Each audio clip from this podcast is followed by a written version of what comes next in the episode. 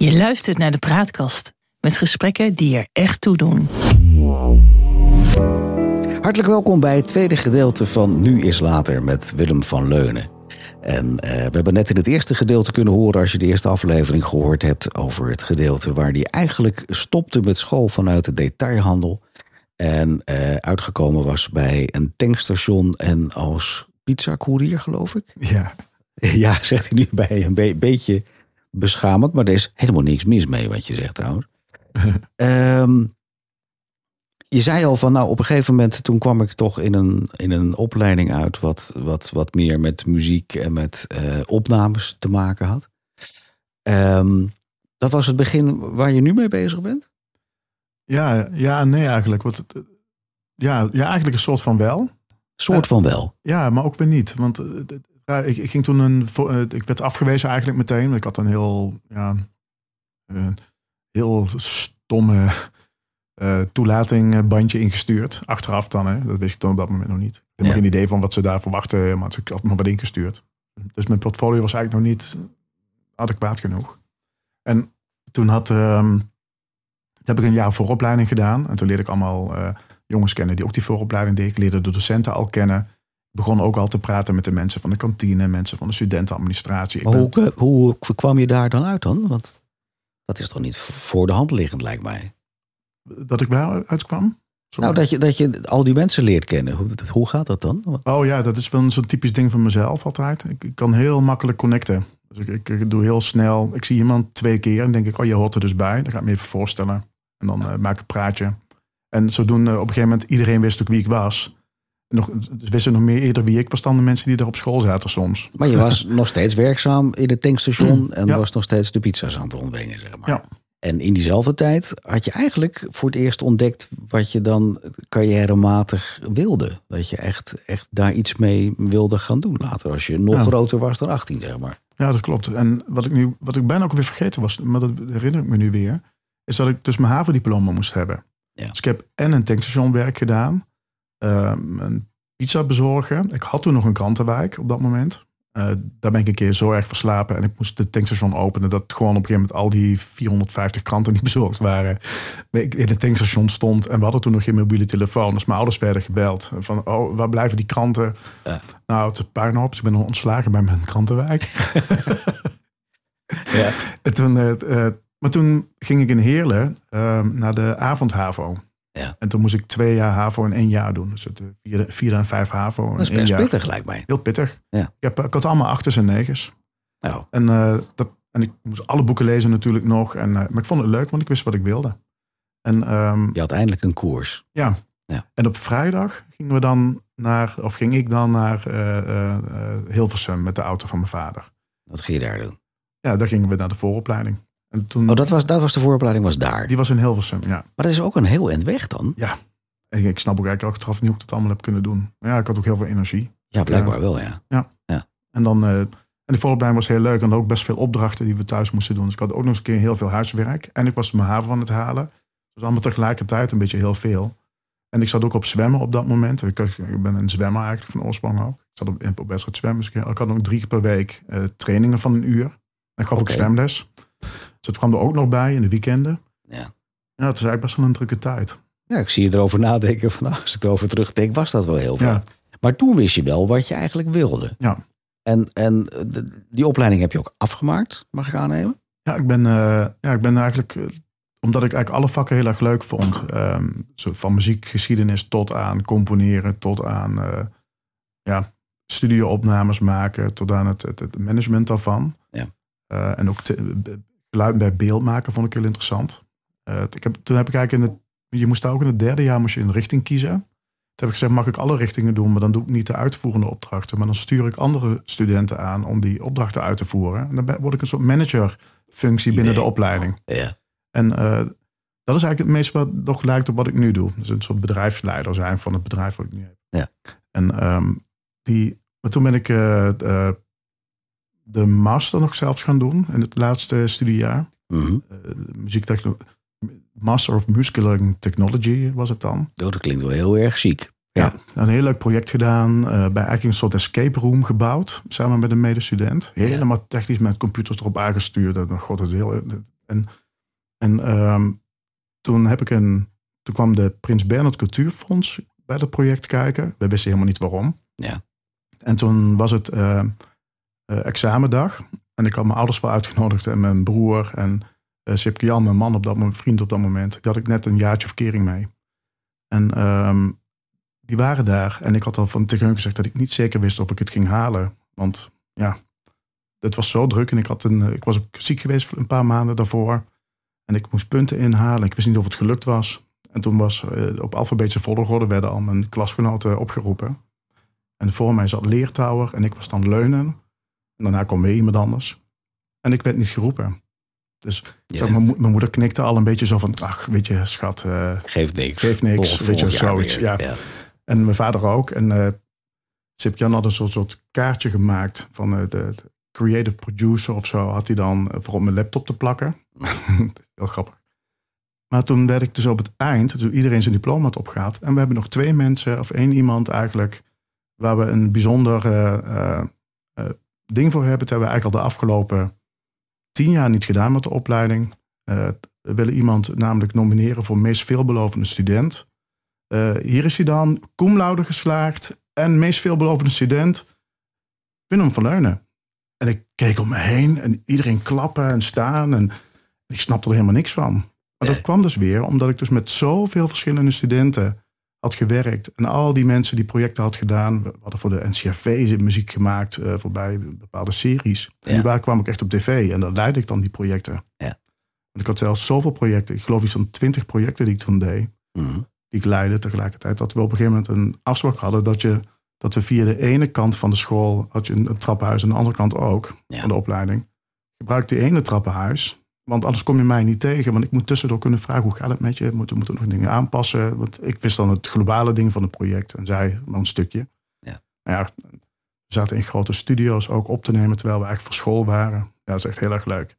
Maar ik zie je gelijk glimmen als, als je vertelt hierover. Hè? Want dat is echt hetgene wat je het liefste doet. Het, het rode lijnen zien tussen mensen. Het, het daarin technisch uh, ontwikkelen dat, dat bepaalde dingen uh, uitkomen, het creatief zijn. Dat is hetgene wat Ja. Willem eigenlijk is en maakt. Ja. Zeg ik het goed? ja, en ook overal kansen inzien. Ja. Eh, niet overal, want dingen die ik niet interessant vind, die laat ik ook eh, gewoon links liggen. Mm. En, ehm, maar wat, wat ook wel grappig was, toen ik net afgestudeerd was, ik had dus verkering met Sipke Jan. En Sipke Jan Bousema, die was ook televisiepresentator, eh, Ja. net geworden. Want hij had een, toen ik verkering met hem kreeg, eh, toen had hij net een, ehm, een auditie gehad voor Ja. een, eh, een kinderprogramma. Dus jullie waren eigenlijk qua carrière tegelijkertijd startend. Ja, een beetje maar. tegelijkertijd startend. En ik had dan, omdat ik het leuk vond eh, destijds, ehm, had ik een Flash-website gemaakt. Flash bestaat nu niet meer, maar vroeger was dat zo'n bewegende website, zeg maar, weet je wel, met allemaal ja. visuele dingen, veel meer dan een, dan een Dan een statische. statische website. Ja. En Sipke-Jan had dus zo'n website, het zag er heel mooi uit met foto's en dingen die bewogen. En, en toen had Albert Verlinde dat gezien en die wilde voor zijn musicals allemaal een website hebben. Dus ik begon in één keer websites te bouwen, eigenlijk een beetje ingerold. En dus eigenlijk in 2001 studeer ik af. En volgens mij ben ik ook in 2001 mijn eigen bedrijf gestart. Eerst zo met een compagnon van school, daar ben ik mee gestopt. Die, die- dat ging niet zo lekker. Mhm. En toen ben ik een websitebedrijf begonnen. We hadden echt binnen no time allemaal mensen in dienst.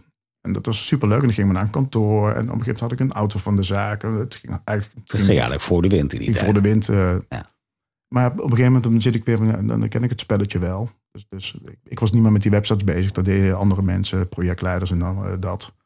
Toen had ik op een gegeven moment, eh, was ik een beetje gaan zoeken naar een telefoonsysteem voor al die bureaus die we dan hadden. En het was allemaal in die tijd heel duur, bij KPN en weet ik het allemaal. Ja. En toen begon Voice over IP net, De VoIPs. Ja. VoIPs. Ja. En toen had ik een, Dan zitten we in 2004, denk ik zo. ja, zoiets. 2005? Ja, zoiets, vier, vijf. Ja. En toen op een gegeven moment ehm, had ik een systeem gevonden wat voor ons werkte. En wat grappige was, als je Ho, ho, een systeem gevonden wat voor jullie werkte. ja, een voice over, voice over IP systeem gevonden. Oké. En daarmee konden wij dus, hadden we een soort telefooncentrale, wat eigenlijk Ja. gewoon een oude computer was. Ja. Dat kon je dan downloaden en dan werd dat een telefooncentrale. Ja. En dat werkte eigenlijk zo goed dat je dus, je, als je je telefoon inprikte in, eh, weet ik veel, in Thailand, Mhm. dan was je gewoon op je 035 bereikbaar. Oh ja, ja. Dus ik zei, ik had zo'n ding, ik zeg van tegen die, die leverancier, ik zeg van kunnen we, kan ik, kan ik hier geen white label van krijgen? Want ik liet het dus aan eh, vrienden en bekenden zien. En aan klanten, die wilden dat ook. Ja. Ik, ben, ik ben heel vaak enthousiast over iets. En dan willen andere mensen dat ook hebben. Mhm. En dan, eh, dat ik ben zo heel makkelijk in het verkopen van dingen, eigenlijk. je, je, je verkoopt het enthousiasme wat erin zit. En ik zei tegen die mensen, ik zeg van, goh, hoe geweldig is het dat je, in, als je op vakantie bent, je e-mail kan checken. Ja. Alsof je thuis bent. Maar dat je dan heel duur moet bellen met, je, met weet ik veel wat allemaal voor systemen. Ik zeg, als je dan ook je telefoon bij je hebt, en die prik je ook gewoon in, in het internetcentrum, of eh, het internetcafé. Kun je gewoon eh, zonder extra kosten. Zonder extra kosten bellen. Ja. Ja, dat wil ik ook. Oh, dat wil ik ook. Dus ik had één klant. Eh, Toen gingen we dus. eh, de leverancier zei: Ja, je mag white label. Dan mag je je eigen merk voeren. Mhm. Dan regelen wij verder alle techniek. Maar jij kan dan je eigen. Ik had een telefoonsysteem bedacht. eh, Best phone yet. De beste Ja. telefoon ooit. Met het, met het idee dat je dus inderdaad overal ter wereld op je 020 of zo bereikbaar bent. Gewoon je vaste nummer. Ja. Dat was dit voor die tijd. Ja, Ongekend. Zeg maar. Ongekend eigenlijk. Ja. En ik had ook één klant, Reinder. En die, eh, die kwam uit Utrecht. En toen hadden we eigenlijk, toen we net begonnen met het bedrijf, misschien 30 klanten gelijk al. Mhm. Het begon eigenlijk veel te groot voor ons. Want we, dan krijg je technische mankementjes af en toe. Ja. Die moet oplossen. Dat, dat vind ik dan weer minder leuk. dus ik, moet gewoon, ik vind het idee leuk maken en dan, dan En moet dan het... wegwezen. wegwezen. Dan mag iemand anders mag het dan de dagelijkse leiding op. Ja, ik ben een beetje start-up typetje meestal. Ja. En toen belde hij en ik nam de telefoon op. Ik zag ook 030 waar voor Utrecht. Ik, ik kijk, oh, dat is Reinder. Dus ik zeg op, hey Reinder. En ik hoor alleen maar aan de andere kant. Ik denk, oh, ligt het systeem er nou wel uit? Ik denk, oh, wat erg. Ja. Zegt hij, Willem, hoor je mij? Zo tussen dat gekraak door. Ik zeg, eh, ja, eh, Reinder, zeg het eens. Ik denk, doe net alsof ik het niet hoor, die gekraak. Zegt hij, ik zit in het vliegtuig. Ik zo, wat? Wat was nou? De KLM had toen rond die tijd een soort, Ja. soort wifi aan boord of, eh, of, of internet aan boord. Dat was een experiment. Dan kon je dus gewoon op internet vanuit het vliegtuig kon je gewoon je mail checken. Dat was eigenlijk, daar was het voor bedoeld. En Was hij, hij ging met jullie VoIP bellen, zeg Ja, maar. dus hij deed zijn laptop open om een mailtje te sturen. Maar zag hij in één keer die, die Best Phone Yet icoontje onder in beeld. Ja. Sprong open, dus hij sluit zijn eh, headsetje aan. En hij kon mij gewoon bellen. En er zaten dus allemaal, hij zat in business class. Er zaten allemaal mensen om hem heen die dat dus ook wilden. En toen kregen we weer een hele sloot klanten. dat is echt wel grappig. Oh, hoe, hoe is dat met het bedrijf afgelopen dan? Ja, niet zo heel erg goed. Want eh, we kregen op een gegeven moment een interim directeur daar weer op. En ehm, Maar het, was, het bedrijf was in jouw eigendom in die tijd. Ja. samen met mijn Jan toen. We Ja. hadden gewoon meerdere bedrijven op een gegeven moment. Mm. En die, ehm, maar we zouden dat wat gaan uitrollen. Het zou het gaan professionaliseren. Wat betere technische teams erop zetten. Want eh, dat moet ook allemaal blijven werken. Ja. En ehm, toen kwam de leverancier met een bedrijf die zei... die willen jullie wel overnemen. Mm. Die vinden het concept leuk klinken. En Ja. Of ze dat mogen overnemen, dat bedrijf. Dus hebben een bedrag geboden. Dat, dat, eh, dat eh, bedrijf eigenlijk in eerste instantie overgenomen, dachten we. Eh, de contracten waren nog niet helemaal rond, maar ze gingen zich wel alvast voorstellen, weet je wel. Van. En ze gingen allemaal mensen nieuwe telefoons beloven. En, en toen is het toch niet doorgegaan, die verkoop. En zaten wij aan die, aan die nieuwe telefoons vast. Dat heeft ons heel veel geld gekost in die tijd. Oké. En toen hebben we het eigenlijk overgedragen aan onze leverancier. Ze hebben gestopt met dat bedrijf. En nu Mm. ben ik nog steeds reseller daarvan. Ja. Met die klantjes van vroeger. En dan krijg ik nog steeds... eh, dit- Dat dit- was je of dat ben je? Dat ben ik eigenlijk nu nog steeds. nog steeds. Ja, daar kwam ik toevallig een, een half jaar geleden eh, een keer achter. Oké. Ja, heel stom. Ja. Dat dus mijn ex, Ciprian, die heeft nog steeds een bed- dat bedrijf waar ik ooit ingezeten had. Ja. Die was in één keer niet bereikbaar. Die belde mij, hoe is het eigenlijk? Hoe werkt dat systeem eigenlijk? Ik zeg, nou ja, dat is, hoe zat dat ook alweer? Dat zat daar en daar en daar bij. Ik moest ook even natuurlijk weer... Dus Even- doen, kennis. Ja. Ja. Ben ik dat gaan uitzoeken, bleek ik nog gewoon reseller te zijn. Dan Ja. krijg je dus 10% van alles wat er gebeld wordt door die klanten die er nu zijn. Er nog maar drie klanten die er ook nog bij gebleven zijn. Ja. In die tien jaar of zo. Maar daar krijg je nog steeds geld van. Dan. Ja, Ja. De, de twee tientjes of zo. Dus dat was me nog nooit eigenlijk meer opgevallen. Maar nou ja, goed. Maar goed, toen was dat avontuur over. Wat ben je, wat ben je toen gaan doen? ja, toen krijg ik nog steeds dat, dat websitebedrijf. Dat liep tegelijkertijd nog. Maar dan ben je wel Ehm. iemand die dus altijd diverse bordjes in de lucht houdt, begrijp ik. Ja, Ja, maar dat vind je nog leuk ook. ja dat vind ik wel leuk. Ja. Je moet, moet wel veel verschillende dingen kunnen doen. Maar is dat niet zo dat je daar dan, dan last van krijgt dat je dingen door elkaar gaat halen? Of dat je niet kunt focussen? Ja, dat is wel gek. Want sinds dat we een theaterbedrijf, wat ik dan met Jano heb. Ja, Daar met komen- Jarno. Ja, Ja, Met dat, dan? dat klonk alsof je dat met mij hebt. Met jou nu hebt. Klonk Oh, het. oh, sorry, ja, ja, dat is mijn accent. Dat is mijn de- Limburgse accent. Oké. Eh, Wat je, wat je Wat met Jarno hebt? heb, eh, want wat, daar, eh, wat je daar weer ziet, is omdat het één product is wat we hebben gemaakt. Mm. Die depressiepreventievoorstelling voor jongeren. Omdat het steeds hetzelfde ding is, eh, haal je soms scholen door elkaar. Ja. Dan belt er een Anita van een of andere school. Een Anita. Ja, negatief, iemand die Anita heet. Ja, Anita belt. En toen?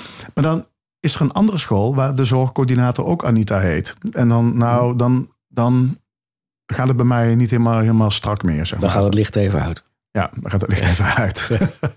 maar dan haal ik dingen door elkaar. En Ja. dan, dan, dan, omdat het, ja, zijn Maar, maar tussen Laat het licht aan, wat, wat jullie theatershow is, daar wil ik het zo meteen eh, ook nog even uitgebreid over hebben met je.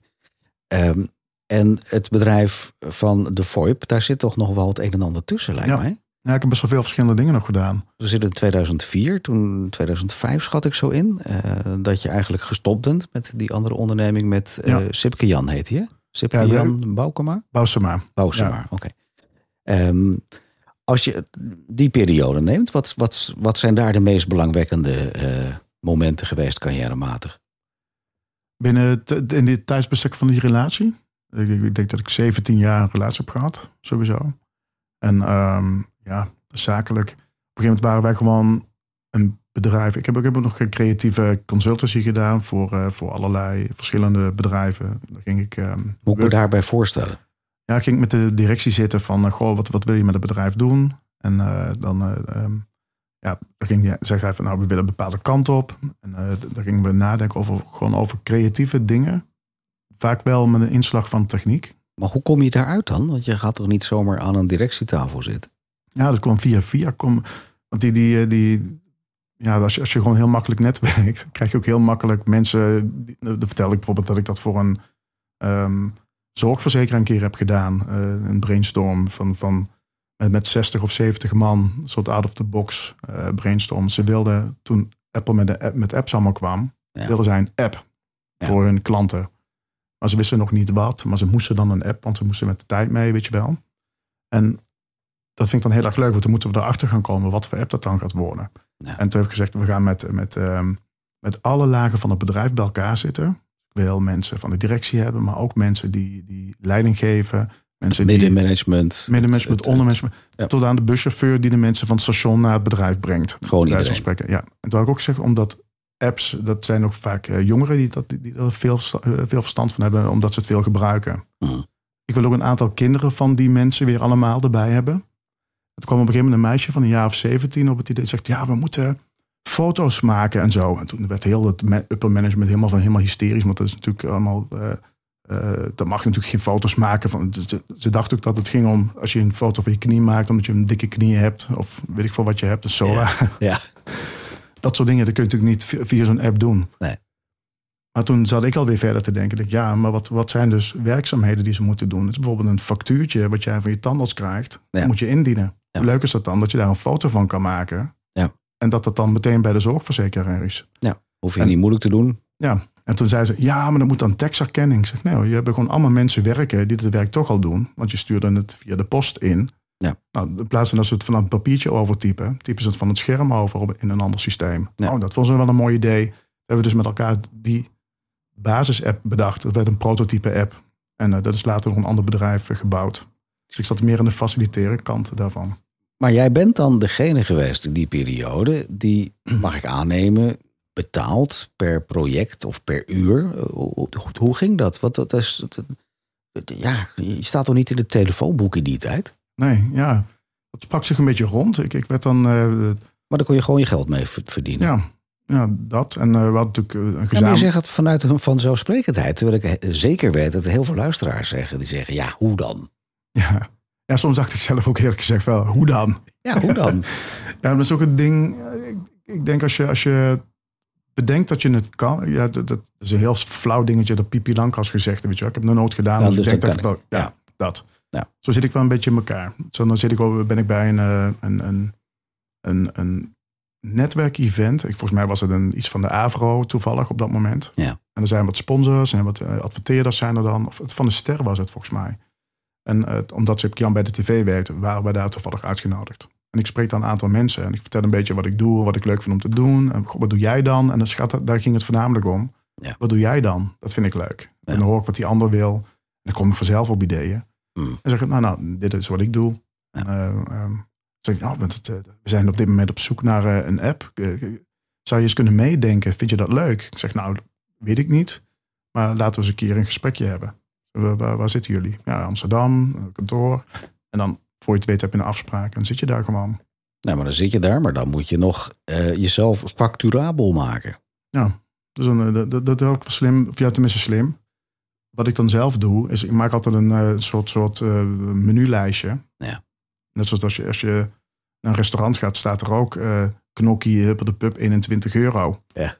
Nou, zo had ik dat ook. Dus als ik een uurtje moest eh, creative consultancy doen, gewoon out of the box, was dat, ik weet niet eens wat ik toen vroeg, 150 euro of zo, denk ik, of 200 of zo. Ja. Nou, dat had ik opgeschreven. Dus als iemand dan vraagt, nou, wat kost zoiets dan? Dan zeg ik, nou ja, ik denk dat we ongeveer een week nodig hebben met elkaar. Mm. Gaan we het zo en zo doen. In de voorbereiding ben ik denk ik eh, 10 uur bezig. Nou, dit is mijn uurprijs. Dat is dan 2000 euro bijvoorbeeld. Ja. Nou, en dan kunnen zij zeggen, oh, dat heb ik of dat heb ik niet.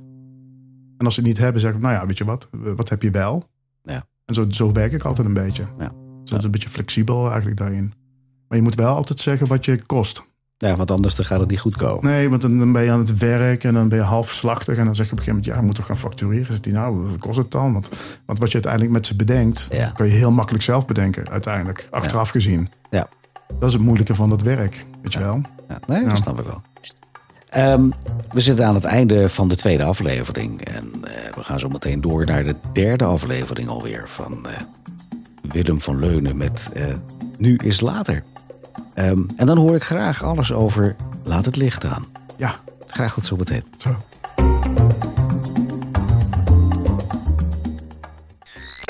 De praatkast.